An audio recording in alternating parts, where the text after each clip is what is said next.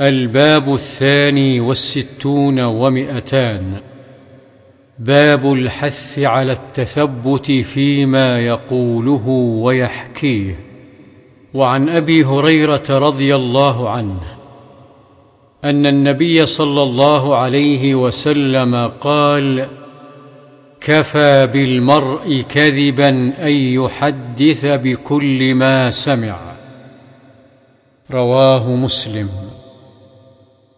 وعن سمرة رضي الله عنه قال قال رسول الله صلى الله عليه وسلم من حدث عني بحديث يرى أنه كذب فهو أحد الكاذبين.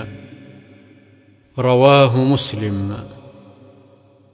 وعن أسماء رضي الله عنها أن امرأة قالت يا رسول الله إن لي ضرة فهل علي جناح إن تشبعت من زوجي غير الذي يعطيني؟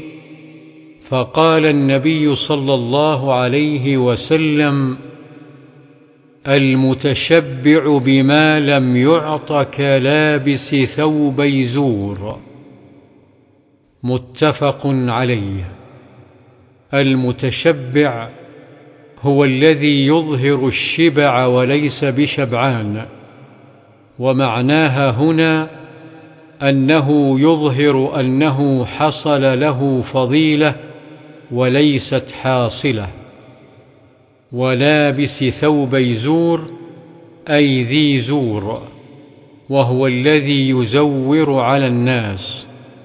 بأن يتزيى بزي أهل الزهد أو العلم أو الثروة ليغتر به الناس وليس هو بتلك الصفة وقيل غير ذلك.